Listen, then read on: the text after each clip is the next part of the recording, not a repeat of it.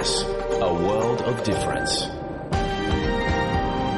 You're with SBS Khmer on mobile, online and on radio. លោកអ្នកនៅជាមួយ SBS ខ្មែរនៅលើទូរស័ព្ទដៃអនឡាញនិងវិទ្យុជាខ្ញុំសូមទទួលស្គាល់ទំនៀមទម្លាប់ប្រពៃណីទឹកដីដែលយើងកំពុងតែផ្សាយចេញពីថ្ងៃនេះ SPS ខ្មែរសូមគោរពដល់ប្រជាជនវរុនជេរីវយវរុននៃប្រជាជាតិខូលីន និងចាស់ទុំរបស់ពួកគេតាំងពីអតីតកាលនិងបច្ចុប្បន្នយើងក៏សូមទទួលស្គាល់ម្ចាស់ទំនៀមទម្លាប់ប្រពៃណីទឹកដីនៃជនជាតិដើម Aboriginal និងអ្នកកោះ Torres Strait ទាំងអស់ដែលលោកអ្នកកំពុងតែស្ដាប់នៅទីនេះហើយថ្ងៃនេះគឺជាថ្ងៃទី500ខែវិសាខឆ្នាំខាលចត្វាស័កពុទ្ធសករាជ2566ដែលត្រូវនឹងថ្ងៃសុក្រទី20ខែឧសភា ឆ្នាំ2022 នាងខ្ញុំហៃសុផារនីសូមនាំមកជូននៅកម្មវិធីផ្សាយដែលមានជាបន្តបន្ទាប់ដូចតទៅតែលទ្ធផលនៃការបោះឆ្នោតជាអត្តពលអ្វីខ្លះដល់បញ្ហាផ្ទះសម្បែងក្នុងប្រទេសអូស្ត្រាលីតើចំណុចសំខាន់សំខាន់អ្វីខ្លះដែលឪពុកម្ដាយត្រូវគិតគូរនៅពេលដែលជ្រើសរើសវិទ្យាល័យសម្រាប់កូនកូនរបស់ពួកគេកម្ពុជាប្រកាសបន្ថយពេលចាក់វ៉ាក់សាំង COVID ដោះជំរុញពី4ខែមកនៅត្រឹម3ខែ បទសម្ភាសជាមួយនឹងលោកសំរងស៊ីក្នុងឱកាសធ្វើទស្សនកិច្ចនៅទីក្រុងមែលប៊នចាស់ហើយទាំងអស់នេះនឹងមានជម្រាបជូនលោកលោកស្រីអ្នកនាងកញ្ញាបន្ទាប់ពីនេតិព័ត៌មាន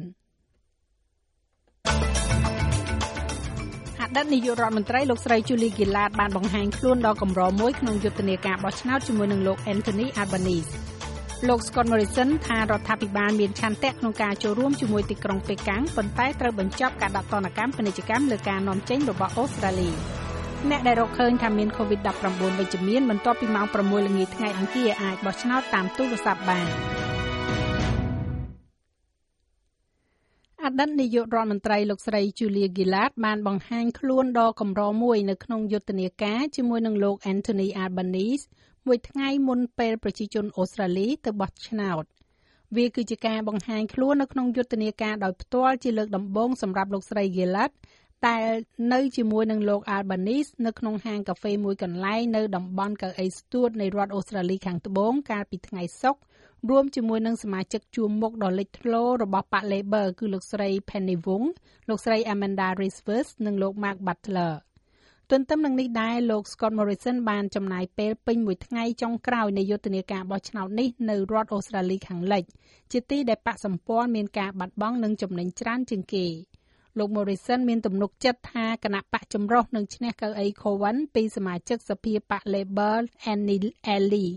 មកវិញដោយដែលលោកស្រីត្រូវបានបោះឆ្នោតជ្រើសរើសកាលពីឆ្នាំ2016ប៉ុន្តែរដ្ឋាភិបាលត្រូវទៅកាន់កាប់កៅអីនៅ Swan, Perth, Hasluck និង Curtin ដែលអាចរេចុះរេឡើងទៅឲ្យប៉ះ Labor លោកនាយករដ្ឋមន្ត្រីមានប្រសាសន៍ថារដ្ឋាភិបាលមានឆន្ទៈនៅក្នុងការចូលរួមជាមួយនឹងទីក្រុងប៉េកាំងប៉ុន្តែកំពុងតែអំពាវនាវឲ្យបញ្ចប់ការដាក់ទណ្ឌកម្មពាណិជ្ជកម្មលើការនាំចេញរបស់អូស្ត្រាលី។ ទំនាក់ទំនងការទូតដ៏ជូរចត់រវាងប្រទេសទាំងពីរកើតឡើងនៅក្រោមការគ្រប់គ្រងរបស់បកសម្ព័ន្ធខណៈដែលប្រទេសចិនកំពុងតែស្វែងរកឥទ្ធិពលនៅក្នុងតំបន់ប៉ាស៊ីហ្វិកដែលថ្មីថ្មីនេះបានចុះហត្ថលេខាលើកតិកៈសញ្ញាសន្តិសុខមួយជាមួយនឹងកោះសូឡូមុននៅសប្តាហ៍នេះប្រពន្ធការទូតចិនបានប្រាប់ SBS News ថានឹងមានឱកាសល្អដើម្បីបន្ធូរបន្ថយភាពតានតឹងបន្ទាប់ពីការបោះឆ្នោតនេះប៉ុន្តែមិនបានប្រាប់ថាសកម្មភាពនោះនឹងរួមបញ្ចូលអ្វីខ្លះនោះទេ នៅក្នុងបទសម្ភាសចុងក្រោយជាមួយនឹង SPS នៅមុនថ្ងៃបោះឆ្នោតលោក Scott Morrison និយាយថាការបង្កកការទូតត្រូវតែបញ្ចប់ We've always been ready to engage but it's important that they end the coercion យើងតែងតែត្រៀមខ្លួនរួចជាស្រេចដើម្បីចូលរួមប៉ុន្តែវាជារឿងសំខាន់ណាស់ដែលពួកគេត្រូវបញ្ចប់ការដាក់កំហិតបញ្ចប់ការហាមឃាត់ពាណិជ្ជកម្មចាប់ផ្ដើមការពិភាក្សាឡើងវិញនៅក្នុងកម្រិតនយោបាយអូស្ត្រាលីមិនដែលមានបញ្ហានៅក្នុងការចូលរួមនោះទេប៉ុន្តែយើងនឹងមិនធ្វើសម្បទានអធិបតេយ្យភាពរបស់យើងឬក៏អោនក្បាលចំពោះការបង្ខិតបង្ខំដែលធ្វើមកលើប្រទេសអូស្ត្រាលីនោះឡើយ។ រដ្ឋាភិបាលសហព័ន្ធបានប្រកាសថាច្បាប់សម្រាប់ការបោះឆ្នោតតាមទូរស័ព្ទនឹងត្រូវបានផ្លាស់ប្តូរដូច្នេះអ្នកដែលមានផ្ទុក COVID-19 វិជ្ជមានអាចបោះឆ្នោតរបស់ពួកគេបាននៅក្នុងការបោះឆ្នោតនៅថ្ងៃសៅរ៍ស្អែកនេះបបកសម្ព័ន្ធបានស្ថិតនៅក្រោមសម្ពាធយ៉ាងខ្លាំងក្នុងការធ្វើវិសោធនកម្មបទបញ្ញត្តិដែលគ្រប់គ្រងលក្ខណៈវិនិច្ឆ័យសិទ្ធិទទួលបាននូវការបោះឆ្នោតតាមទូរស័ព្ទនិងតាមសម្បត្តិប្រៃសណីនេះ បន្ទាប់ពីមានការលេចឡើងថាអ្នកដែលបានរកឃើញថាពួកគេមានផ្ទុកវីរុសកូវីដ -19 បន្ទាប់ពីម៉ោង6ល្ងាចថ្ងៃអង្គារអាចបោះឆ្នោតតាមទូរស័ព្ទបានប៉ុន្តែអ្នកដែលធ្វើតេស្តឃើញវិជ្ជមានមុនពេលនោះត្រូវបោះឆ្នោតតាមសម្បត្តិប្រៃសណីលោកនាយករដ្ឋមន្ត្រី Scott Morrison ដើមឡើយបាននិយាយថាវាគឺជាបញ្ហាសម្រាប់ AEC ដែលត្រូវធ្វើការនៅក្នុងច្បាប់ដែលបានអនុម័តដោយសភាស្នងការរបស់គណៈកម្មាធិការរៀបចំការបោះឆ្នោតលោក Tom Rogers បានប្រាប់ ABC ថាពួកគេគួរតែអាចដោះស្រាយចំនួនអ្នកបោះឆ្នោតតាមទូរស័ព្ទនេះបាន។ we think we should be able to cope with the numbers we did modeling late last night យើងគិតថាយើងគួរតែអាចទប់ទល់នឹងចំនួននេះបានយើងបានធ្វើគំរូកាលពីយប់មិញដោយធ្វើការជាមួយនឹងដៃគូរបស់យើង ហើយយើងប្រកាសថាវានឹងមិនអីទេប៉ុន្តែជាថ្មីម្ដងទៀតទំនងជានឹងមានការរងចាំតម្រង់ជួលខ្លះ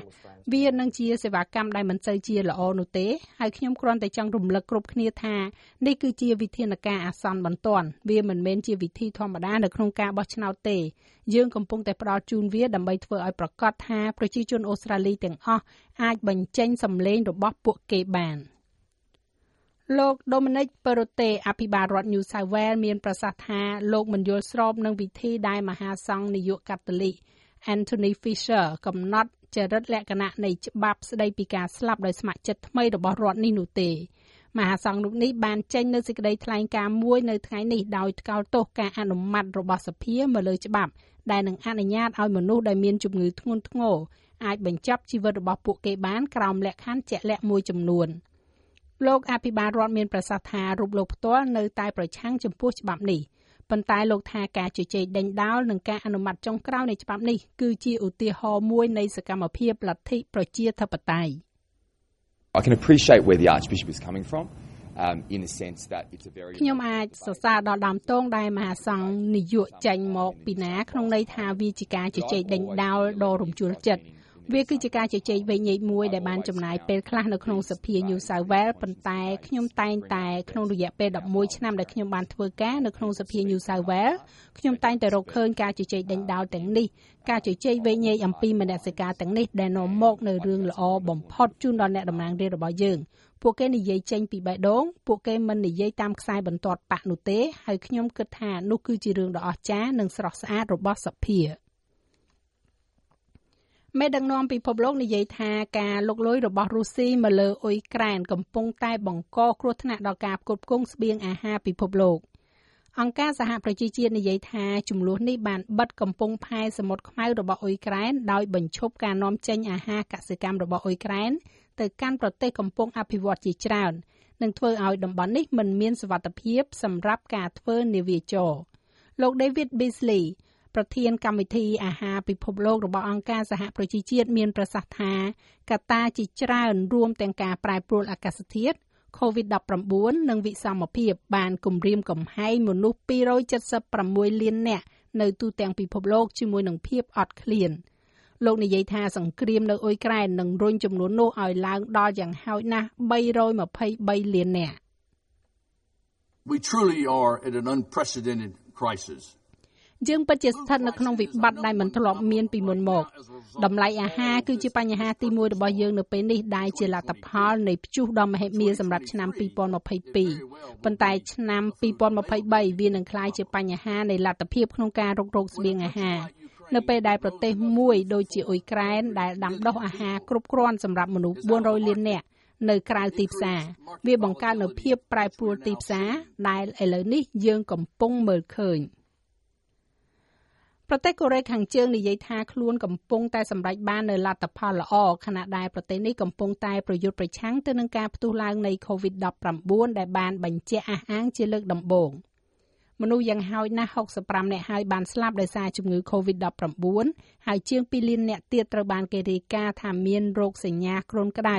ទោះបីជាចំនួនករណីពិតប្រាកដមិនមានភាពច្បាស់លាស់ក៏ដោយហើយគេមិនបានដឹងថាក្នុងចំណោមអ្នកដែលគ្រុនក្តៅនោះមានប៉ុន្មានអ្នកបានធ្វើតេស្តវិជ្ជមាន Covid-19 នោះទេ ប្រព័ន្ធផ្សព្វផ្សាយរដ្ឋនិយាយថាកសិដ្ឋានបន្តធ្វើការរោងចក្រកំពុងតែដំណើរការហើយគម្រោងសាងសង់ទ្រង់ទ្រាយធំធំកំពុងតែដំណើរការទៅមុខដោយមិនមានការផ្អាកបើទោះបីជាមានករណីឆ្លងនេះក៏ដោយ នៅប្រទេសកម្ពុជាវិញលោកនាយករដ្ឋមន្ត្រីហ៊ុនសែនបានប្រកាសពីការសម្រេចគោលការណ៍ថ្មីក្នុងការកាត់បន្ថយរយៈពេលគម្លាតនៃការចាក់វ៉ាក់សាំងដូសជំរុញដូសទី3និងដូសទី4ដែលត្រូវបន្ថយពី4ខែមកនៅត្រឹម3ខែវិញ។លោកនាយករដ្ឋមន្ត្រីបញ្ជាក់ថាការសម្រេចកាត់បន្ថយរយៈពេលគម្លាតចាក់វ៉ាក់សាំងពី4ខែមក3ខែនេះគឺដើម្បីជំរុញល្បឿននៃការចាក់វ៉ាក់សាំងបង្ការ COVID-19 នៅក្នុងប្រទេសកម្ពុជា ដែលក្នុងនោះយើងបានដាក់សិស្សនិស្សិតប្រមាណ74លាននេះឲ្យចូលទៅក្នុងក្រុមអធិភាពតែពួកគាត់នឹងទទួលបាននៅវ៉ាក់សាំងដូសទី4ហើយអ្នកដូសទី4ហើយអាចជាទៅដូសទី5ចាស់លោកមេងផល្លានឹងជូនសេចក្តីរាយការណ៍លម្អិតនៅវគ្គក្រោយបន្ថែមទៀតឬលោកអ្នកអាចចូលស្ដាប់របាយការណ៍ពេញលើគេហទំព័ររបស់យើងគឺ sps.com.au/ ខ្មែរ នៅក្នុងព័ត៌មានកីឡាបាល់ទាត់អូស្ត្រាលី AFL ការប្រកួតវគ្គផ្ដាច់ព្រាត់ AFL Grand Final នឹងនៅតែស្ថិតក្នុងតារាងពេលវេលានាពេលរសៀលដោយកាលពីមុនដដែល។អារម្មណ៍របស់អ្នកគ្រប់គ្រងបានយកឈ្នះលើការជំរុញការផ្សាយពាណិជ្ជកម្មដែលចង់ឲ្យចាប់ផ្ដើមនៅពេលប្រលប់លីកនេះបានធ្វើការថ្លឹងថ្លែងពីអត្ថប្រយោជន៍នៃការប្រកួតនៅពេលល្ងាចដោយចាប់ផ្ដើមនៅម៉ោង4:30នាទីរសៀល ប៉ុន្តែតាមទម្លាប់ការប្រកួតផ្ដាច់ព្រាត់ឆ្នាំ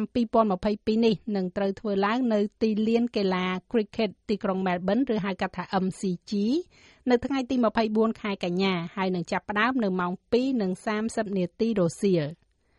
ចំណែកឯអត្រាប្តូរប្រាក់វិញនៅថ្ងៃនេះ1ដុល្លារអូស្ត្រាលីមានតម្លៃប្រមាណជា7 70សេនកន្លះប្រាក់ដុល្លារអាមេរិកត្រូវនឹងប្រមាណជា2860រៀលប្រាក់រៀលខ្មែរ ឥឡូវយើងក៏លេខមកមើលការព្យាករណ៍អាកាសធាតុសម្រាប់ថ្ងៃសៅរ៍ស្អែកនេះវិញទីក្រុងផឺតបើកថ្ងៃល្អ25អង្សាបើកថ្ងៃដូចគ្នានៅអាដាលេដ20អង្សាទីក្រុងមែលប៊នភាគច្រើនបើកថ្ងៃ15អង្សា មានពពកដោយពេលនៅហូបាត14អង្សា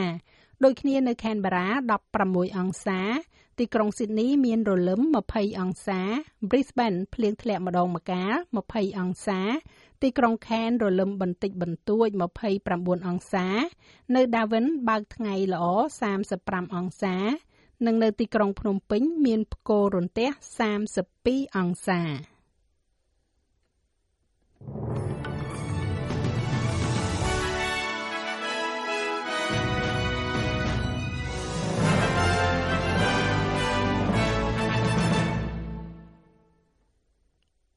ចាលោកលោកស្រីអ្នកនាងកញ្ញាជាទីមេត្រីនេតិព័ត៌មានរបស់ Visu SBS ខ្មែរដែលរួមមាននេតិព័ត៌មានជាតិអន្តរជាតិព័ត៌មានកីឡានិងការព្យាករណ៍អាកាសធាតុដែលលោកអ្នកកំពុងតាមដានស្ដាប់នៅពេលនេះចាប់តែប៉ុណ្ណេះនៅក្នុងវគ្គក្រោយលោកអ្នកនឹងបានស្ដាប់នៅរបាយការណ៍នៃនេតិព្រឹត្តិការណ៍បច្ចុប្បន្នដែលមានទាំងរបាយការណ៍ក្នុងប្រទេសអូស្ត្រាលីក៏ដូចជារបាយការណ៍ពីប្រទេសកម្ពុជាផងដែរហើយបន្តមកទៀតក៏នឹងមានបទសម្ភាសជាមួយនឹងលោកសំរងស៊ីក្នុងអំឡុងពេលទស្សនកិច្ចនៅទីក្រុងមែលប៊ន ចាស់ក៏ប៉ុន្តែនៅពេលនេះយើងខ្ញុំសូមអនុញ្ញាតសម្រាប់បន្តិចសិនជួបគ្នាវិញនៅក្នុងវគ្គក្រោយក្នុងពេលបន្តិចទៀតនេះ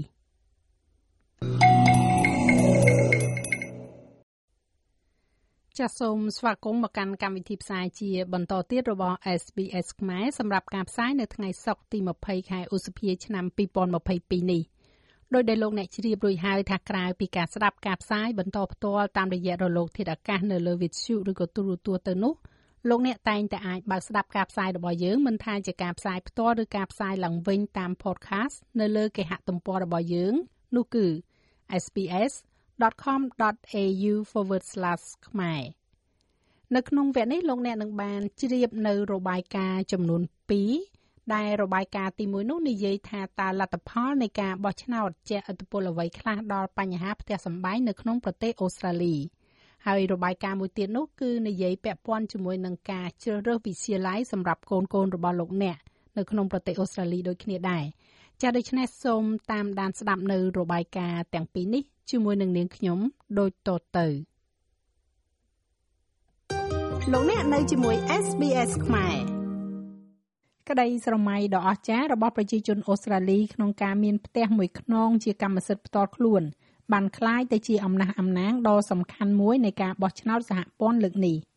គណៈបកធំធំទាំងពីរបានគូបញ្ជាក់អំពីគោលនយោបាយសំខាន់សំខាន់នៅក្នុងការដឹកនាំប្រជាជនអូស្ត្រាលីឲ្យមានផ្ទះសម្បែងផ្ទាល់ខ្លួន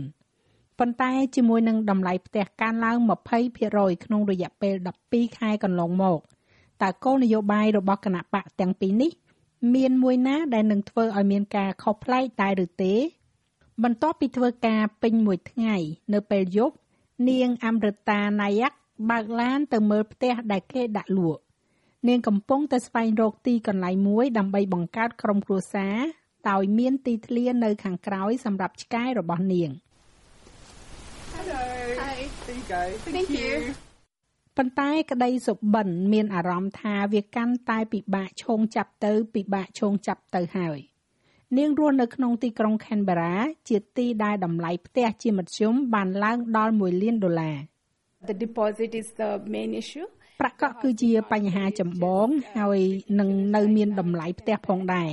ទីផ្សារលំនៅឋានវាគួរឲ្យអស់សំណើចណាស់ឥឡូវនេះឬក៏ខ្ញុំអាចនិយាយបានថាគឺវាថ្លៃណាស់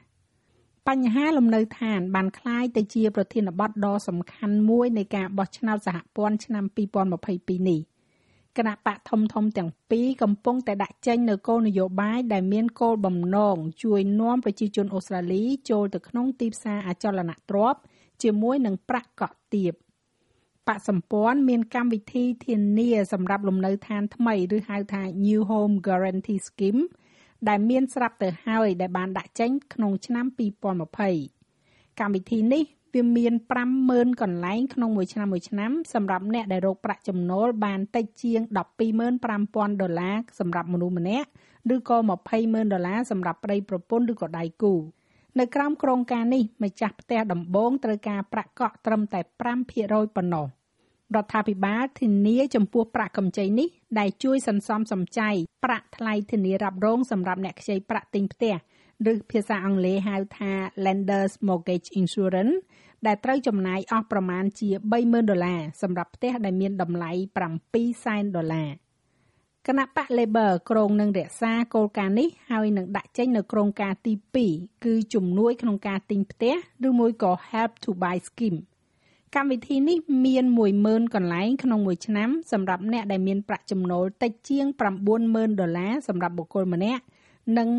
120,000ដុល្លារសម្រាប់ប្តីប្រពន្ធឬក៏ដៃគូប្រាក់កក់ដែលត្រូវការនោះគឺ2%អ្នកទិញមិនចាំបាច់បង់ថ្លៃធានារ៉ាប់រងខ្ចីប្រាក់ឬហៅថា lender mortgage insurance នោះទេដោយនៅក្រោមក្រមការភាគហ៊ុនរួមដែរគឺរដ្ឋាភិបាលនឹងមានភាគហ៊ុនពី30ទៅ40%នៅក្នុងអចលនទ្រព្យនោះ។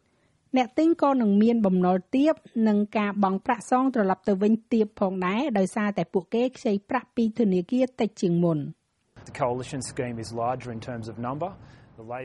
កម្មវិធីរបស់បកសម្ព័ន្ធគឺធំជាងបើគិតពីតួលេខហើយកម្មវិធីរបស់បក Labor គឺតូចបើគិតជាតួលេខហើយត្រូវបានកំណត់ត្រឹម10000កន្លែងប៉ុន្តែមានចិត្តល្អជាងសម្រាប់អ្នកដែលមានសំណាងគ្រប់គ្រាន់ដែលអាចទទួលបាននៅកម្មវិធីនេះ។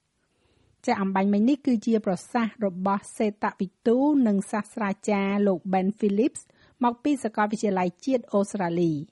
លោកនិយាយថាគម្រោងទាំងពីរនេះមិនមានមួយណាដែលផ្ដល់កន្លែងគ្រប់គ្រាន់ដើម្បីធ្វើការផ្លាស់ប្ដូរពិតប្រាកដនោះទេ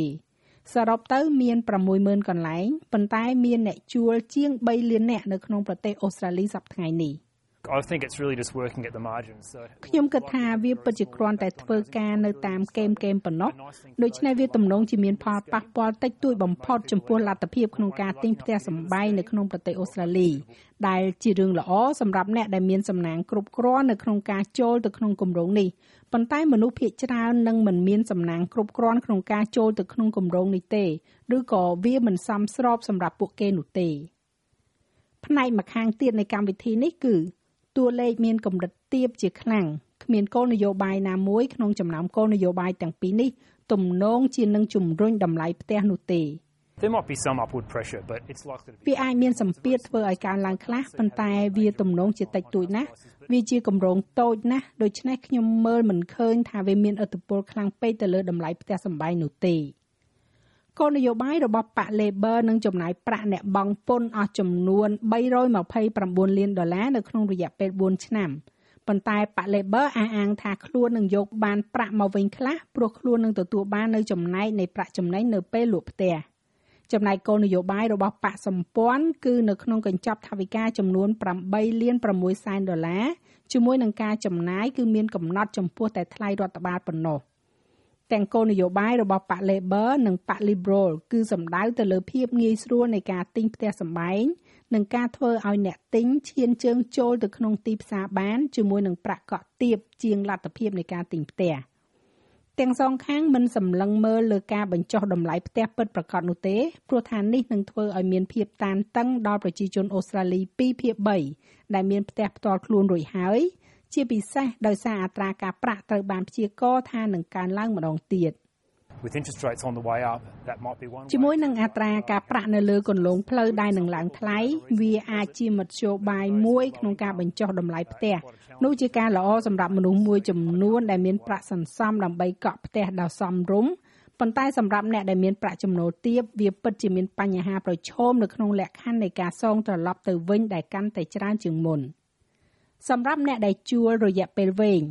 ប៉ា Green មានគោលនយោបាយសាងសង់លំនៅឋានសាធារណៈចំនួន125,000ខ្នងជាមួយនឹងការជួលកំណត់ត្រឹមតែ25%នៃប្រាក់ចំណូលរបស់អ្នកជួលតែប៉ុណ្ណោះប៉ុន្តែសម្រាប់អ្នកនាងអមរតាណាយ៉ាក់ការធានាបាននៅផ្ទះមួយខ្នងនឹងក្លាយទៅជាចំណុចសំខាន់កំពូលសម្រាប់នាងក្នុងការសម្រេចចិត្តនាពេលបោះឆ្នោតនេះ។ That's um, one of the main reason uh, I guess when I put it គោលនយោបាយលំនៅឋាននឹងក្លាយជាអតិភិបមួយក្នុងចំណោមអតិភិបកម្ពុជាទាំង3ដែលខ្ញុំចង់និយាយចាស់ហើយរបាយការណ៍នេះចងក្រងឡើងដោយ Lucy Murray សម្រាប់ SBS News និងប្រាយសម្រួលសម្រាប់ការផ្សាយរបស់ SBS ខ្មែរដោយនាងខ្ញុំហៃសុផារ៉ានីចូលចិត្តស្ដាប់កម្មវិធី Visual SBS ខ្មែរមែនទេ ដូច្នេះបន្តទំនាក់ទំនងជាមួយកម្មវិធីរបស់យើងតទៅទៀតតាមរយៈ Facebook សូមចុច like នៅ Facebook របស់យើងហើយចូលរួមបញ្ចេញមតិរបស់អ្នក SBS ខ្មែរនៅលើ Facebook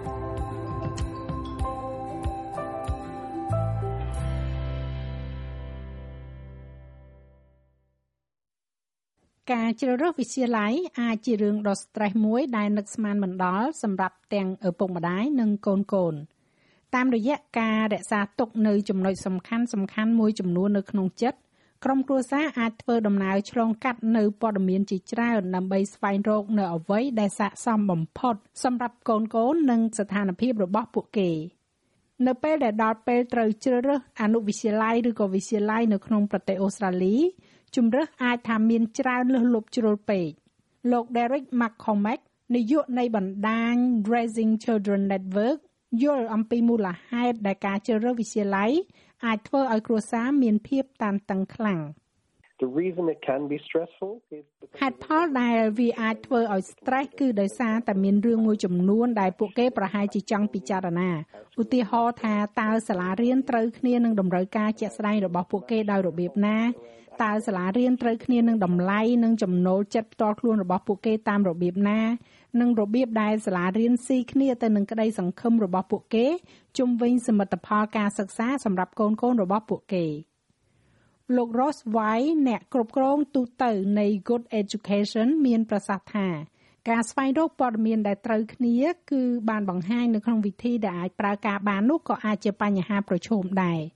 there is a huge amount of information that mums and dads មានព័ត៌មានជាច្រើនដែលអ្នកម្ដាយនិងលោកឪពុកអាចរកឃើញថាពួកគេកំពុងតែដើរវែករកមើលពីភាពខុសគ្នាពីសាលារៀនមួយទៅសាលារៀនមួយទៀតហើយបញ្ហាប្រឈមជាមួយនឹងព័ត៌មាននោះគឺថាវាពិតជាក្រាស់និងស្មុគស្មាញណាស់ដូច្នេះនៅពេលដែលយើងនិយាយឡើងវិញអំពីលទ្ធផលសិក្សាឬក៏ទិន្នន័យ NAPLAN សូម្បីតែលេខចុះឈ្មោះចូលរៀនដែលអាចស្មុគស្មាញជាងឈ្មោះមូលដ្ឋានដែលបានណែនាំមកនោះ ហើយបញ្ហាប្រឈមផ្សេងទៀតជាមួយនឹងព័ត៌មានទាំងនោះជាធម្មតាគឺវាត្រូវបានបង្ហាញតាមវិធីផ្សេងផ្សេងគ្នានៅលើវេទិកាផ្សេងផ្សេងគ្នា Good Education Group បោះពុម្ពផ្សាយនៅមគ្គុទ្ទេសក៍ណែនាំអំពីសាលារៀនល្អដែលជាឧបករណ៍ដើម្បីជួយឪពុកម្ដាយប្រៀបធៀបសាលារៀននៅក្នុងប្រទេសអូស្ត្រាលីលោក White កំណត់ចំណុចសំខាន់សំខាន់ចំនួន4ដែលឪពុកម្ដាយពិតជាគិតគូរនៅពេលដែលជ្រើសរើសវិទ្យាល័យដោយផ្អែកទៅលើការប្រើប្រាស់មគ្គុទ្ទេសក៍របស់ពួកគេ its cost its location its performance វាគឺជាតម្លៃទីតាំងសមិទ្ធផល និងភាពស័ក្តិសមជាទូទៅគ្រប់គ្នាដែលកំពុងស្វែងរកសាលារៀនកំពុងតែរកមើលចំណុចដើម្បីគូសធីកប្រអប់ទាំង4នោះ តើខ្ញុំអាចទៅដល់សាលារៀនបានទេតើទីតាំងត្រឹមត្រូវដែរឬទេតើខ្ញុំមានលទ្ធភាពបង់ថ្លៃសាលារៀនបានទេតើសាលារៀននោះធ្វើបានល្អទេលទ្ធផលល្អអាចមានន័យខុសគ្នាចំពោះឪពុកម្ដាយផ្សេងផ្សេងគ្នាហើយតើវាស័ក្តិសមដែរឬទេហើយពាក្យថាស័ក្តិសមអាចមានន័យថាសមស្របខាងផ្នែកវប្បធម៌ឬវាអាចមានន័យថាជាការស័ក្តិសមផងដែរជាពិសេសសម្រាប់កូនកូនរបស់ខ្ញុំហើយគំនិតនៃពាក្យថាស័ក្តិសមឬក៏ fit ឬក៏ស៊ីគ្នារវាងវប្បធម៌របស់សាលារៀនមួយទៅនឹងគុណតម្លៃរបស់អ្នកនោះគឺពិតជាសំខាន់ណាស់នៅពេលដែលគិតដល់សាលារៀនមួយនេះបើតាមប្រសាសន៍របស់លោក Derek McCormack ហើយមានសំណួរចាំបាច់មួយចំនួនដែលអ្នកត្រូវតែពិចារណា Do we prefer public or private education? តែយើងចង់បានសាលារដ្ឋឬក៏សាលាឯកជនតើវប្បធម៌នៅសាលារៀននោះបែបណាតើវាស៊ីគ្នានឹងវប្បធម៌របស់យើងក្នុងនាមជាក្រុមគ្រួសារមួយដែរឬទេឧទាហរណ៍ការដែលឲ្យទម្ងន់ទៅលើលទ្ធផលនៃការសិក្សាគោលនយោបាយឯកសន្តានតើវាមានការលេងកីឡាជាកំហិតឬក៏សកម្មភាពអ្វីនៅចុងសប្តាហ៍ដែរឬទេ គ្រួសារមួយអាចចង់ឲ្យសមាជិកគ្រួសារផ្សេងទៅរៀនសាលារៀនជាមួយគ្នាដែរតែអាចថាមានទស្សនវិជ្ជានៃការបង្រៀនដែលឪពុកម្ដាយចាប់អារម្មណ៍ខ្លាំងហើយកូនកូនរបស់ពួកគេចង់បានខ្លាំងដែរឬទេឪពុកម្ដាយមួយចំនួនអាចចង់ពិចារណាទៅលើការអប់រំបែបសាសនានិងថាតើវាចាំបាច់សម្រាប់ពួកគេឬអត់ចំណូលចិត្តរបស់កូនក៏អាចជះឥទ្ធិពលដល់ការសម្រេចចិត្តរបស់ពួកគេដែរ។ One important factor of course is ជាការពិតណាស់កត្តាសំខាន់មួយគឺកុមារអាចមានចំណាប់អារម្មណ៍សកម្មភាពក្រៅកម្មវិធីសិក្សាឬក៏ចំណុចសំខាន់នោះគឺមិត្តភ័ក្តិនិងទំនាក់ទំនងដែលមានន័យថាពួកគេចង់ទៅរៀនសាលាជាក់លាក់ណាមួយហើយនោះគឺជារឿងមួយដែលឪពុកម្ដាយត្រូវពិចារណាយ៉ាងពិតប្រាកដស្ដាប់និងនិយាយជាមួយកូនអំពីរឿងទាំងនោះដែលវាសំខាន់ចំពោះកូនកូនរបស់ពួកគេសាលាមធ្យមសិក្សានៅប្រទេសអូស្ត្រាលីជាទូទៅមាន3ប្រភេទ គឺសាលារដ្ឋសាលាកាតូលិកនិងសាលាឯកជនគ្រួសារជាច្រើនជ្រើសរើសបញ្ជូនកូនរបស់ពួកគេទៅវិទ្យាល័យរបស់រដ្ឋនៅក្នុងតំបន់ដែលគេរស់នៅហើយការស្វែងរកដ៏ឆាប់រហ័សមួយតាមអ៊ីនធឺណិតនឹងកំណត់បានអំពីសាលារៀនរដ្ឋនៅក្នុងតំបន់ដែលអ្នកអាចចុះឈ្មោះចូលរៀនបានលោក McCormack បានមានប្រសាសន៍ថានេះគឺជាតំបន់មួយដែលកំណត់នៅជុំវិញសាលារៀន។ So based on where you're living ដូច្នេះវាអាស្រ័យទៅលើទីកន្លែងដែលអ្នកកំពុងរស់នៅកូនរបស់អ្នកអាចមានសិទ្ធិចូលរៀននៅសាលារៀនជាក់លាក់ណាមួយនៅក្នុងតំបន់នោះប៉ុន្តែប្រសិនបើអ្នកចាប់អារម្មណ៍នឹងសាលារៀននៅខាងក្រៅតំបន់នោះវាពិតជានឹងសមនឹងតម្លៃនៅក្នុងការដែលត្រូវតាក់ទងទៅសាលានោះហើយស្វែងរកនៅវិធីដែលអាចធ្វើទៅបានរដ្ឋខ្លះផ្ដល់ជូននៅសាលារៀនរដ្ឋដែលមានការប្រឡងជ្រើសរើសចូលរៀនឬហៅថា selective school ហើយសាលាទាំងនេះគឺតម្រូវឲ្យមានការប្រឡងចូលយ៉ាងប្រកួតប្រជែងអ្នកស្រី Allen និយាយថាសាលាបឋមសិក្សាគ្រប់គ្រងការចូលរៀនរបស់សិស្សនៅក្នុងវិទ្យាល័យរដ្ឋនៅក្នុងតំបន់របស់ពួកគេកូនប្រុសរបស់អ្នកស្រីបានចាប់ផ្ដើមរៀននៅវិទ្យាល័យនៅទីក្រុង Melbourne នៅក្នុងឆ្នាំនេះ។ នៅក្នុងអំឡុងប្រហែលជាខែឧសភាមួយឆ្នាំមុននៅថ្នាក់ទី6សាលានឹងបញ្ជូនព័ត៌មានមួយចំនួនដែលផ្ដល់ឲ្យអ្នកនៅការផ្ដល់ជូននៅវិទ្យាល័យនៅក្នុងតំបន់ហើយអ្នកមានជំរឿសក្នុងការដាក់ពាក្យសុំតាមចំណូលចិត្តរបស់អ្នកមានវិទ្យាល័យឯកទេសផងដែរដែលផ្ដោតទៅលើមុខវិជ្ជាសិក្សាជាក់លាក់ដូចជាខាងសិល្បៈច្នៃប្រឌិតនិងការសម្ដែង ភាសាវិទ្យាសាស្ត្រនិងគណិតវិទ្យាឬក៏កីឡា ជាថ្មីម្ដងទៀតសិស្សត្រូវតែបំពេញទៅតាមលក្ខខណ្ឌជាក់លាក់នៅក្នុងការចូលរៀនសាលាសម្រាប់សិស្សដែលមានតម្រូវការជាពិសេសទាំងសាលារដ្ឋនិងសាលាឯកជន គឺជួយដល់សិស្សដែលមានពិការភាពលក្ខខណ្ឌតាក់ទងទៅនឹងបញ្ហាសុខភាព និងមានការលំបាកក្នុងការសិក្សា អ្នកស្រីអាលីនបានជ្រើសរើសស្វែងរកជំរើសសាលាឯកជន looking at the best possible យើងបានសម្លឹងមើលសាលាដែលល្អបំផុតដែលយើងអាចមានលទ្ធភាពបង់ថ្លៃសិក្សាបានដោយសមរម្យដែលនៅជិតបំផុតនឹងទីតាំងរស់នៅរបស់យើងបច្ចុប្បន្នដូច្នេះវាគឺជាការរួមបញ្ចូលគ្នានៅទីតាំងនិងអ្វីដែលល្អបំផុតដែលអ្នកអាចធ្វើទៅបានជាមួយនឹងលទ្ធភាពរបស់អ្នកយើងបានរកឃើញសាលាកាតូលិកមួយដែលមានកេរ្តិ៍ឈ្មោះល្អនៅក្នុងទីតាំងភូមិសាស្ត្ររបស់យើងហើយវាពិតជាមើលទៅសមល្អណាស់ សាលាឯកជនគិតថ្លៃសេវាខ្ពស់ជាងសាលាកាតូលិកដោយតម្លៃគឺខុសគ្នាពីសាលាមួយទៅសាលាមួយសាលារៀនរដ្ឋនឹងស្នើសុំឲ្យមានការបរិច្ចាគដោយស្ម័គ្រចិត្តហើយឧបករណ៍អនឡាញដូចជា Australian School Directory និងគេហទំព័រ My School website រាយបញ្ជីឈ្មោះសាលារៀនក្នុងប្រទេសអូស្ត្រាលីទៅតាមលក្ខខណ្ឌរុករោដូចជា ប្រភេទ ទីតាំងសាសនាឬក៏សាលារៀនសម្រាប់តែភេទប្រុសឬក៏ស្រីនិងសម្រាប់ភេទចម្រុះជាដើមនៅទីនេះអ្នកក៏អាចស្វែងរកទិន្នន័យស្ដីអំពីលទ្ធផលសិក្សាផងដែរលោក Ross White មានប្រសាសន៍ថា Good School Guide ផ្ដល់ព័ត៌មានបន្ថែមជាភាសាអង់គ្លេសសាមញ្ញសាមញ្ញទៀតផង Any school that's open to normal សាលារៀនណាក៏ដោយដែលបើកឲ្យចុះឈ្មោះចូលរៀនតាមស្តង់ដារធម្មតាត្រូវបានបង្ហាញនៅលើគេហទំព័រ Good School Guide ហើយរាល់សាលារៀនទាំងអស់មានឱកាសរៀបចំប្រវត្តិរូបផ្ទាល់ខ្លួនរបស់ពួកគេឲ្យបានត្រឹមត្រូវដូច្នេះពួកគេអាចបន្ថែមអ្វីអ្វីបានដូចជាសកម្មភាពក្រៅកម្មវិធីសិក្សា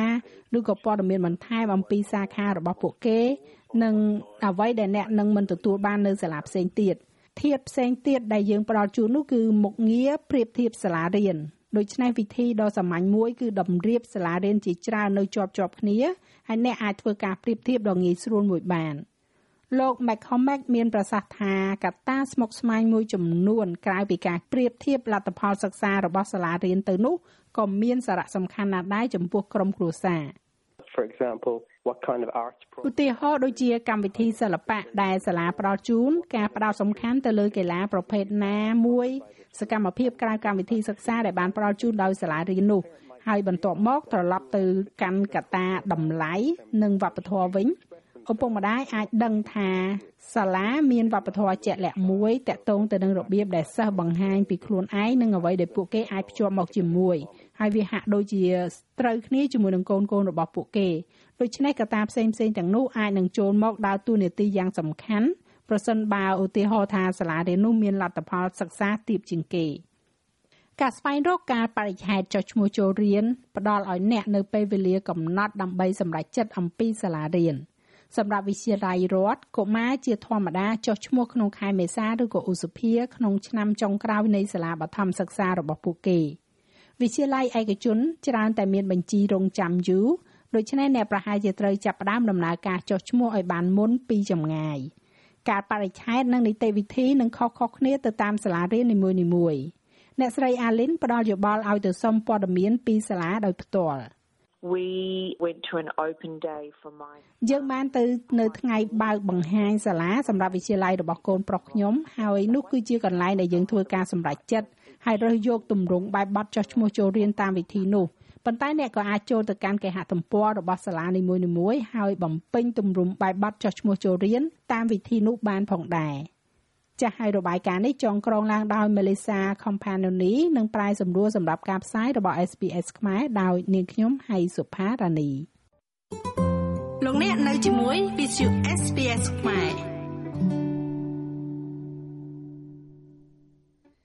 ចាលោកលោកស្រីអ្នកនាងកញ្ញាជាទីមេត្រីនៅក្នុងវគ្គក្រោយលោកអ្នកនឹងបានផ្លាស់ប្ដូរបរិយាកាសជួបជាមួយនឹងរបាយការណ៍ពីប្រទេសកម្ពុជាជាមួយនឹងលោកមេងផល្លាវិញម្ដងហើយបន្តមកទៀតនោះនឹងមានបទសម្ភាសរវាងកញ្ញាឡៅដាណេនិងលោកសំរងស៊ីនៅក្នុងឱកាសដែលលោកមកទស្សនកិច្ចនៅទីក្រុងមែលប៊នប្រទេសអូស្ត្រាលីនេះក៏ប៉ុន្តែនៅពេលនេះយើងខ្ញុំសូមអនុញ្ញាតជួបជាមួយនឹងការផ្សព្វផ្សាយនៅកម្មវិធីបន្តិចទៀតសិន។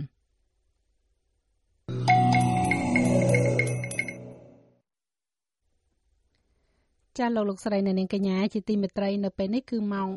3:36នាទីរសៀលហើយមកនៅក្នុងបន្ទប់ផ្សាយពី Studio នៅទីក្រុង Melbourne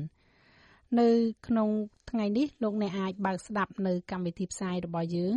គឺនៅរៀងរាល់ថ្ងៃពុធនិងថ្ងៃសុក្រវេលាម៉ោង3រសៀលគឺជាការផ្សាយបន្តផ្ទាល់ផ្ទាល់ដែលលោកអ្នកអាចបើកស្ដាប់បានតាមរយៈរលកធាតុអាកាសនោះគឺ 11:07 AM សម្រាប់អ្នករស់នៅទីក្រុង Sydney ហើយសម្រាប់អ្នក Melbourne វិញអាចស្ដាប់បានតាមរយៈរលកធាតុអាកាសគឺ12:24ប៉ុស AM ដូចគ្នាចាស់ហើយ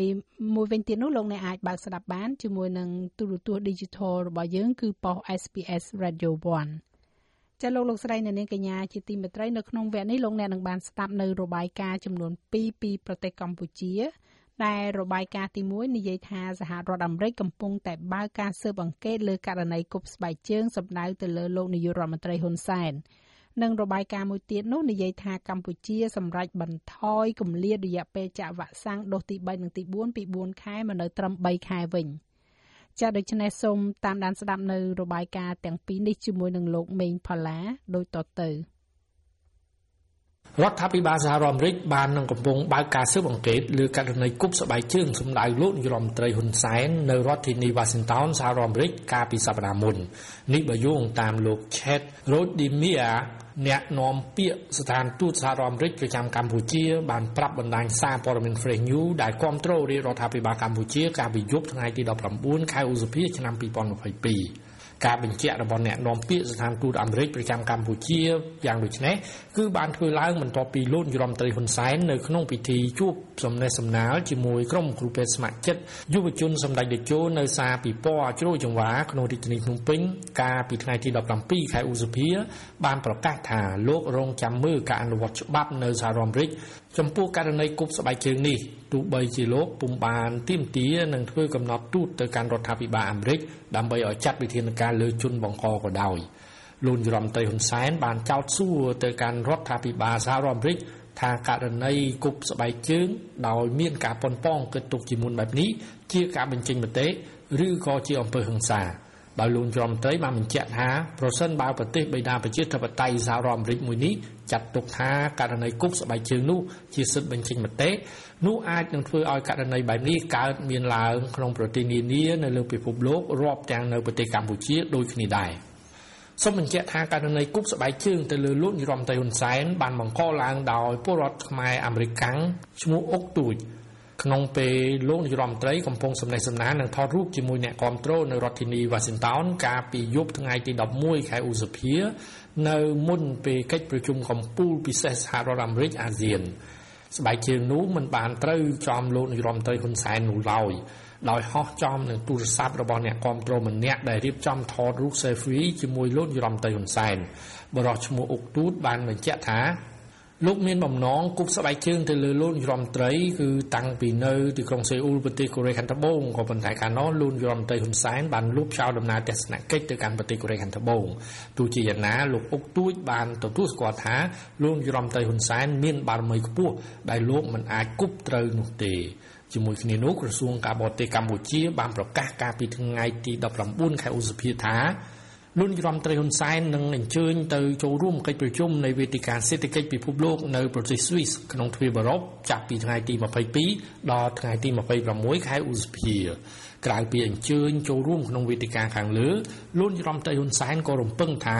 នឹងមានជំនួបពិភាក្សាការងារជាមួយថ្នាក់ដឹកនាំនៃប្រទេសមួយចំនួនដូចជា ទទួលការចូលជួបសម្ដែងការគួរសមពីសំណាក់អិសរាជជននយោបាយនិងធុរជនពិភពលោកផងដែរនាយករដ្ឋមន្ត្រីកម្ពុជាក៏នឹងជួបសំណេះសំណាលជាមួយនឹងបងប្អូនជនរួមជាតិខ្មែរដែលរស់នៅប្រទេសស្វីសនិងបណ្ដាប្រទេសក្នុងទ្វីបអឺរ៉ុបហើយតាមគម្រោងនៅម៉ោង1:30នាទីរំលងអាត្រាតឆ្លងចូលថ្ងៃទី21ខែឧសភា ម៉ោងនៅក្នុងប្រទេសកម្ពុជាលោកនាយរដ្ឋមន្ត្រីហ៊ុនសែននឹងដឹកនាំគណៈប្រតិភូកម្ពុជា ចាក់ចេញពីភ្នំពេញដើម្បីទៅចូលរួមវេទិកាសេដ្ឋកិច្ចពិភពលោកនៅទីក្រុង Davos ប្រទេសស្វីសតាមការគ្រោងទុកលោកនាយរដ្ឋមន្ត្រីហ៊ុនសែននឹងជួបបងប្អូនខ្មែរយើងនៅ Zurich ប្រទេសស្វីសនៅល្ងាចថ្ងៃទី21ខែឧសភា ឆ្នាំ2022ខ្ញុំម៉េងផល្លា SBS ខ្មែររាយការណ៍ពីរាជធានីភ្នំពេញ sbs.com.au/ ខ្មែរជាគេហទំព័របើកចូលដំបងរបស់អ្នកនៅលើអនឡាញអ្នកនឹងទទួលបានព័ត៌មានចុងក្រោយបទយកការចូលរួមបោះឆ្នោតមតិផ្សេងផ្សេងឬតាក់ទងមកកម្មវិធីរបស់យើង sbs.com.au/ ខ្មែរ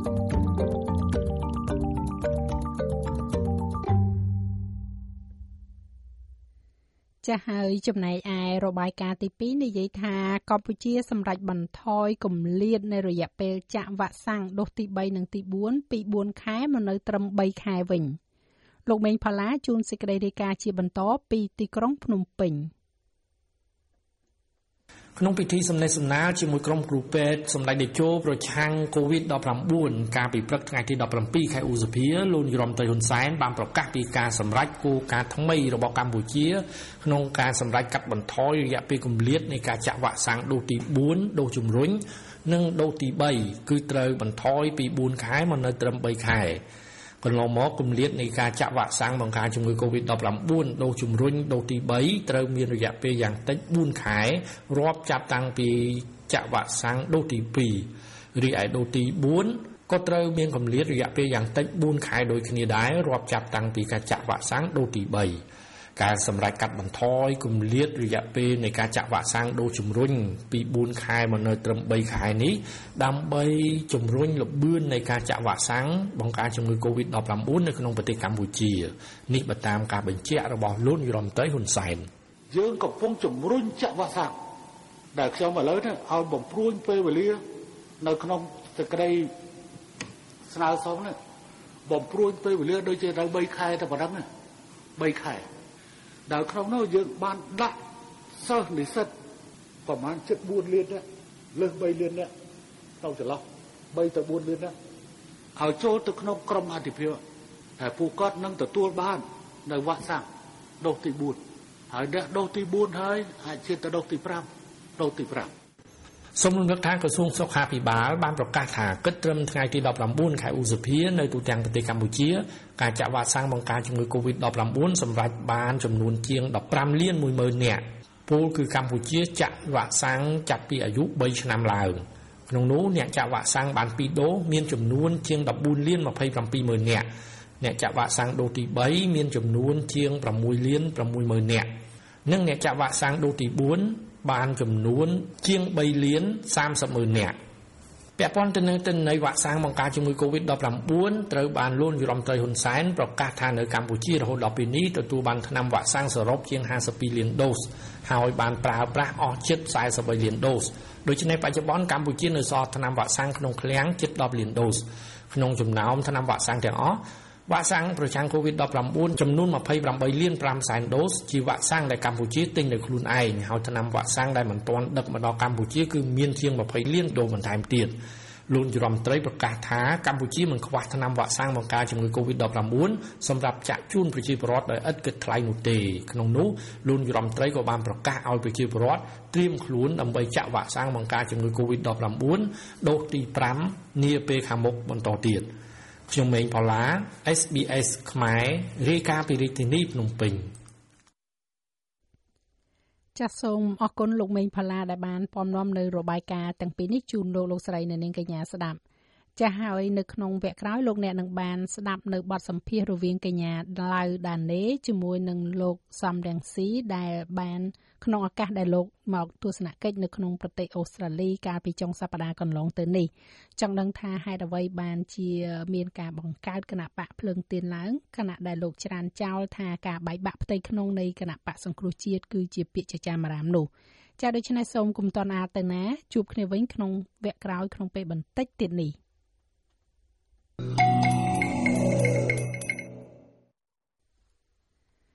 ចាសសូមស្វាគមន៍កាន់វគ្គចុងក្រោយនៃកម្មវិធីផ្សាយរបស់ Visu SPS ខ្មែរសម្រាប់ថ្ងៃសុក្រនេះហើយសម្រាប់លោកអ្នកដែលខកខាននៅការផ្សាយបន្តផ្ទាល់របស់យើងវគ្គមុនមុនទាំងអង្បាម៉ានៅថ្ងៃនេះមិនជាថ្មីទេលោកអ្នកអាចបើកស្ដាប់ការផ្សាយឡើងវិញរបស់យើងបានតាមរយៈគេហទំព័ររបស់យើងនោះគឺ SPS www.facebook.com.au/ ខ្មែរក៏ដូចជាតាមរយៈការស្ដាប់នៅលើទូរស័ព្ទដៃរបស់លោកអ្នកផ្ទាល់ដោយគ្រាន់តែ download នៅកម្មវិធី SPS Radio App ដែលឥតគិតថ្លៃលោកអ្នកនៅជាមួយ SBS ខ្មែរនៅក្នុងដំណើរទស្សនកិច្ចមកកាន់ទីក្រុងមែលប៊នកាលពីចុងសប្តាហ៍កន្លងទៅនេះ មេដឹកនាំគណៈបកប្រឆាំងដែលនិរទេសខ្លួននៅក្រៅប្រទេសលោកសំរងស៊ីនៅតែអះអាងថាមិនមានការបែកបាក់ផ្ទៃក្នុងក្នុងគណៈបកសង្គ្រោះជាតិដោយពាក្យចចាមអារាមនោះទេប៉ុន្តែតើហេតុអ្វីបានជាមានការបង្កើតនៅគណៈបកភ្លើងទៀនឡើង ចាសសូមស្ដាប់នៅបទសម្ភាសន៍រវាង SBS ខ្មែរជាមួយនឹងលោកសំរងស៊ីដូចតទៅ ចានាងខ្ញុំសូមជម្រាបសួរលោកសំរងស៊ីចាហើយសូមអរគុណចំពោះពេលវេលាដ៏មានតម្លៃដែលបានផ្ដល់ឲ្យ SBS ខ្មែរសម្រាប់កិច្ចសម្ភាសន៍នៅក្នុងថ្ងៃនេះចាបាទជម្រាបសួរបាទចាអ្វីដែលតាមដែលបានដឹងមកគឺលោកសំរងស៊ីបានអញ្ជើញមកដល់ទីក្រុងមែលប៊ននេះតាំងពីថ្ងៃទី14ចាតើជាការពិតទេចាបាទអញ្ចឹងមែនជាការពិតបាទចាសូមអរគុណ ប្រិមិត្តយើងប្រកាសជាចង់ដឹងថាដំណើររបស់លោកសំរងស៊ីនេះអញ្ជើញមកដល់ប្រទេសអូស្ត្រាលីនេះនៅក្នុងគោលបំណងអ្វីជាចម្បងដែរចា៎ទីមួយមកថ្វាយបង្គំប្រសង់ហើយជួបសួរសុខទុក្ខសំណេះសំណាលជាមួយបងប្អូនជនរួមជាតិយើងដែលរស់នៅប្រទេសអូស្ត្រាលីថែម ថែមទាំងប្រទេសញូហ្សេឡង់ផងដែរព្រោះក្នុងរយៈពេល2សប្តាហ៍នេះខ្ញុំបានធ្វើដំណើរទៅដល់ពីរប្រទេសនេះបាទចានៅពេលដែលលោកសំរងស៊ីអញ្ជើញមកដល់ប្រទេសអូស្ត្រាលីនេះឃើញថាតើគោចំហរបស់អ្នកគ្រប់គ្រងរបស់លោកតើមានការប្រែប្រួលឬក៏យ៉ាងដូចម្ដេចដែរចាខ្ញុំរំភើបពីព្រោះមកពេលណា ទៅដល់រដ្ឋណាទីក្រុងណា នៅប្រទេសអូស្ត្រាលីដូចជាប្រទេសញូហ្សេឡង់ឃើញមានអ្នកស្នេហាជាតិអ្នកស្រឡាញ់យុត្តិធម៌មានឧត្តមគតិដូចខ្ញុំច្រើនច្រើនខុសកុសក៏មិនខុសពីលើកមុនមុនទេដែលបានមកលើកទឹកចិត្តខ្ញុំឲ្យខ្ញុំបន្តការតស៊ូរបស់គណៈបកសង្គ្រោះជាតិដើម្បីសង្គ្រោះជាតិនិងផលប្រយោជន៍ប្រទេសកម្ពុជាទាំងមូល ចាសសូមអរគុណចង់ដឹងដែរថានៅក្នុងពេលដ៏ខ្លីខាងមុខនេះគឺនៅថ្ងៃទី20ខែកក្កដាឆ្នាំ2022នឹងមានការបោះឆ្នោតឃុំសង្កាត់នៅក្នុងប្រទេសកម្ពុជារបស់យើងតើលោកនឹងអញ្ជើញទៅមាតុប្រទេសរបស់ខ្លួនទេនៅក្នុងពេលបោះឆ្នោតនេះចា៎ពេលណាលោកហ៊ុនសែនគាត់ឈប់ហាមឃាត់គាត់ឈប់គម្រាមកំហែងក្រុមហ៊ុនអាកាសចរមិនឲ្យដឹកខ្ញុំ បើថាហ៊ុនសែនឈប់គម្រាមក្រុមហ៊ុនអាកាសចរហើយក្រុមហ៊ុនអាកាសចរនោះព្រមដឹកខ្ញុំទៅប្រទេសកម្ពុជាខ្ញុំនឹងទៅភ្លាមមួយរំពេចចាចំពោះការបោះឆ្នោតនៅពេលខាងមុខនេះដោយលោកនឹងមិននៅក្នុងប្រទេសកម្ពុជាទេនៅតែនៅក្រៅប្រទេសកម្ពុជាដូច្នេះតើនឹងជឿជាក់ទៅលើលទ្ធផលនិងការរៀបចំការបោះឆ្នោតយ៉ាងដូចម្តេចដែរចា៎ការបោះឆ្នោតនៅប្រទេសកម្ពុជាម្ដងម្ដងតែងតែជួបការលំបាក មានការគម្រាមកំហែងមានការទិញសន្តិឆ្នោត មានការលួចបន្លំសន្តិឆ្នោត មានការបំភ្លៃតួលេខដើម្បីឲ្យអ្នកមានអំណាចសប្តាហ៍ហ្នឹងគឺចំណេញហើយប្លន់មិនមែនតែសន្តិឆ្នោតទេប្លន់អំណាចពីរាជ ដល់គេបានអំណាចដែលគេប្លន់ពីរាជគេយកអំណាចនោះទៅធ្វើបាបប្រជារាជខ្មែរវិញអញ្ចឹងហើយបានយើងទៅតែខិតខំទោះជាគេធ្វើបាបយើងយ៉ាងណាដោយសារតែយើងស្មោះត្រង់ចំពោះប្រទេសជាតិយើងយើងអត់មាន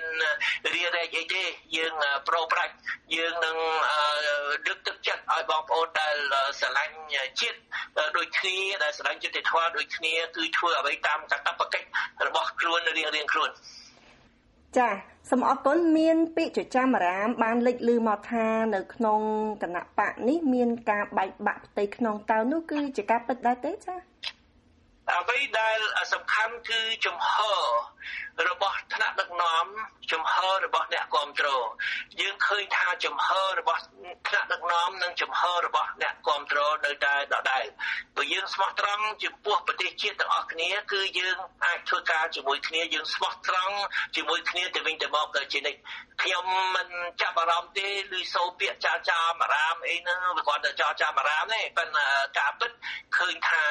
អ្នកដែលស្រឡាញ់ជាតិនៅតែស្រឡាញ់ជាតិដដែលនៅតែរួបរวมគ្នាដដែលនៅតែខិតខំតស៊ូជាមួយគ្នាដដែលដើម្បីសេរីភាពនិងយុត្តិធម៌ចាបច្ចុប្បន្ននេះយើងឃើញមានគណៈបកមួយទៀតចាគឺគណៈបកភ្លឹងទៀនហើយហេតុអ្វីបានជាមានគណៈបកថ្មីនេះកើតឡើងចាខ្ញុំជឿថាប្រជាប្រដ្ឋយល់ពីកលៈទេសៈយល់ពីការត្រូវតែតម្រូវឲ្យបត់បែតាមកលៈទេសៈឥឡូវគណៈបកសង្គ្រោះជាតិគេហាមឃាត់ មិនឲ្យធ្វើសកម្មភាពគណៈបកសង្គ្រោះជាតិត្រូវគេរំលាយរំលាយលើក្រដាស់តែมันអាចរំលាយប្រលឹងខ្មែរបានទេទោះជាគណៈបកសង្គ្រោះជាតិมันអាចធ្វើសកម្មភាពនៅប្រទេសកម្ពុជាมันអាចឈរឈ្មោះឲ្យបេក្ខជនរបស់ខ្លួន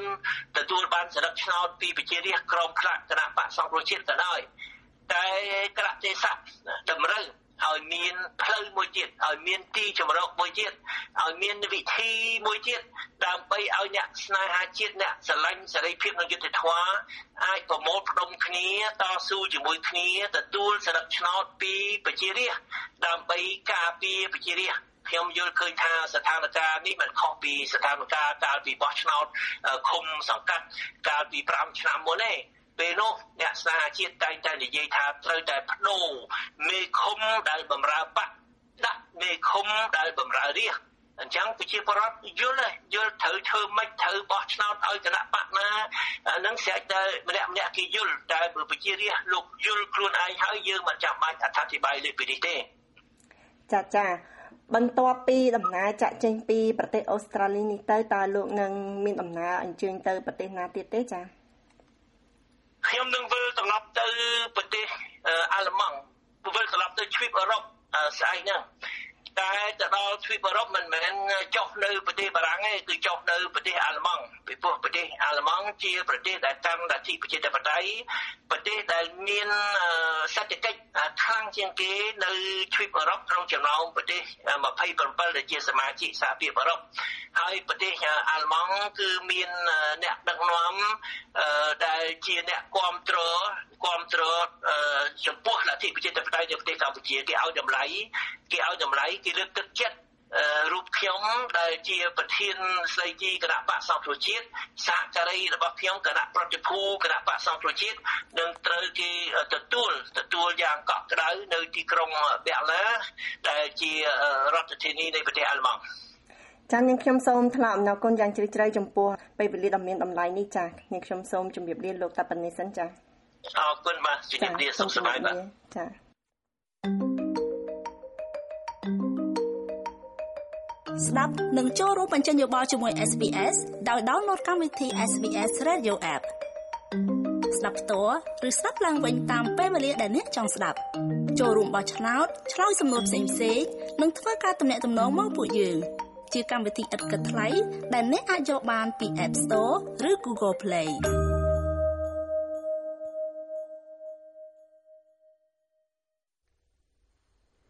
ចាស់លោកលោកស្រីអ្នកនាងកញ្ញាជាទីមេត្រីជាបន្តទៅទៀតនេះសូមជូននៅមេតិការនៃព័ត៌មានសំខាន់សំខាន់អតីតនាយករដ្ឋមន្ត្រីលោកស្រី Julie Gillard បានបង្ហាញខ្លួនដល់កម្រមួយក្នុងយុទ្ធនាការបោះឆ្នោតជាមួយនឹងលោក Anthony Albanese លោក Scott Morrison ថារដ្ឋាភិបាលមានឆន្ទៈក្នុងការចូលរួមជាមួយទីក្រុងប៉េកាំងប៉ុន្តែត្រូវបញ្ចប់ការដាក់ទណ្ឌកម្មពាណិជ្ជកម្មលើការនាំចេញរបស់អូស្ត្រាលី អ្នកដែលរកឃើញថាមាន COVID-19 វិជ្ជមានបន្ទាប់ពីម៉ោង6ល្ងាចថ្ងៃអង្គារអាចបោះឆ្នោតតាមទូរស័ព្ទបាន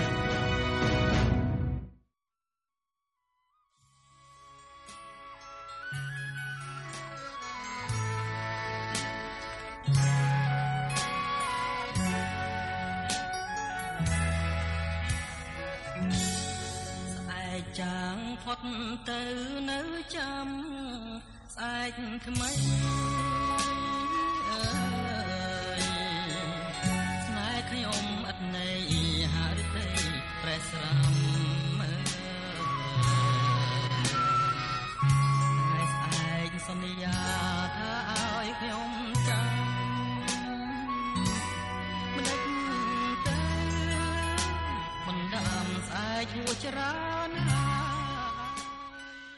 ចាលោកលោកស្រីនៅនាងកញ្ញាជាទីមេត្រីកម្មវិធីផ្សាយរបស់ Visu SBS ខ្មែរសម្រាប់ការផ្សាយនៅថ្ងៃសុក្រទី20ខែឧសភាឆ្នាំ2022ដែលលោកអ្នកកំពុងតែតាមដានស្ដាប់នៅពេលនេះបានឈានចូលដល់ទីបញ្ចប់ហើយយើងខ្ញុំសូមថ្លែងអំណរគុណដល់ប្រិយមិត្តអ្នកស្ដាប់ទាំងអស់ដែលតែងតែចំណាយពេលវេលាស្ដាប់កម្មវិធីយើងតាំងពីដើមរហូតមក មិនថាលោកអ្នកដែលកំពុងស្ដាប់ការផ្សាយបន្តផ្ទាល់តាមរយៈរលកធាតុអាកាសនៅលើវិទ្យុឬក៏ទូរទស្សន៍ឬក៏លោកអ្នកដែលស្ដាប់នៅលើគេហទំព័រផ្សាយផ្ទាល់ឬផ្សាយឡើងវិញរបស់យើង គឺ sps.com.au/ ខ្មែរឬនៅលើទូរស័ព្ទដៃតាមរយៈកម្មវិធី SPS Radio Mobile App ហើយក៏សូមអរគុណដល់ប្រិយមិត្តដែលតែងតែគាំទ្រយើងខ្ញុំនៅលើបណ្ដាញសង្គម Facebook របស់ SPS ខ្មែរទាំងអស់ ចាកម្មវិធីយើងសន្យាថានឹងវិលមកជួបលោកលោកស្រីនៅនាងកញ្ញាវិញនៅក្នុងការផ្សាយលើកក្រោយ ចាស់គឺនៅថ្ងៃពុធសប្តាហ៍ក្រោយវេលាម៉ោង3និងម៉ោង4រសៀលម៉ោងស្តង់ដាអូស្ត្រាលីខាងកើតដដែលនៅពេលនេះនាងខ្ញុំហៃសុផារនី និងសហការីទាំងអស់សូមអរគុណនិងសូមគោរពលារីករាយថ្ងៃចុងសប្តាហ៍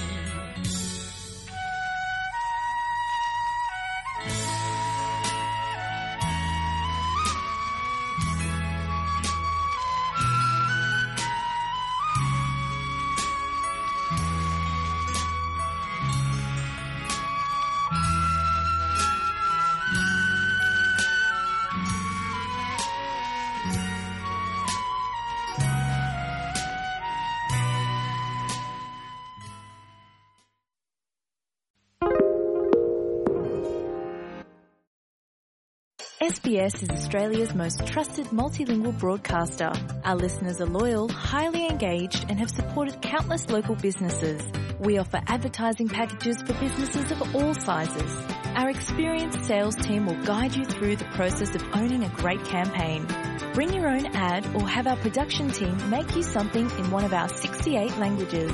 Start the conversation with your new audience today. Email sales at sbs.com.au.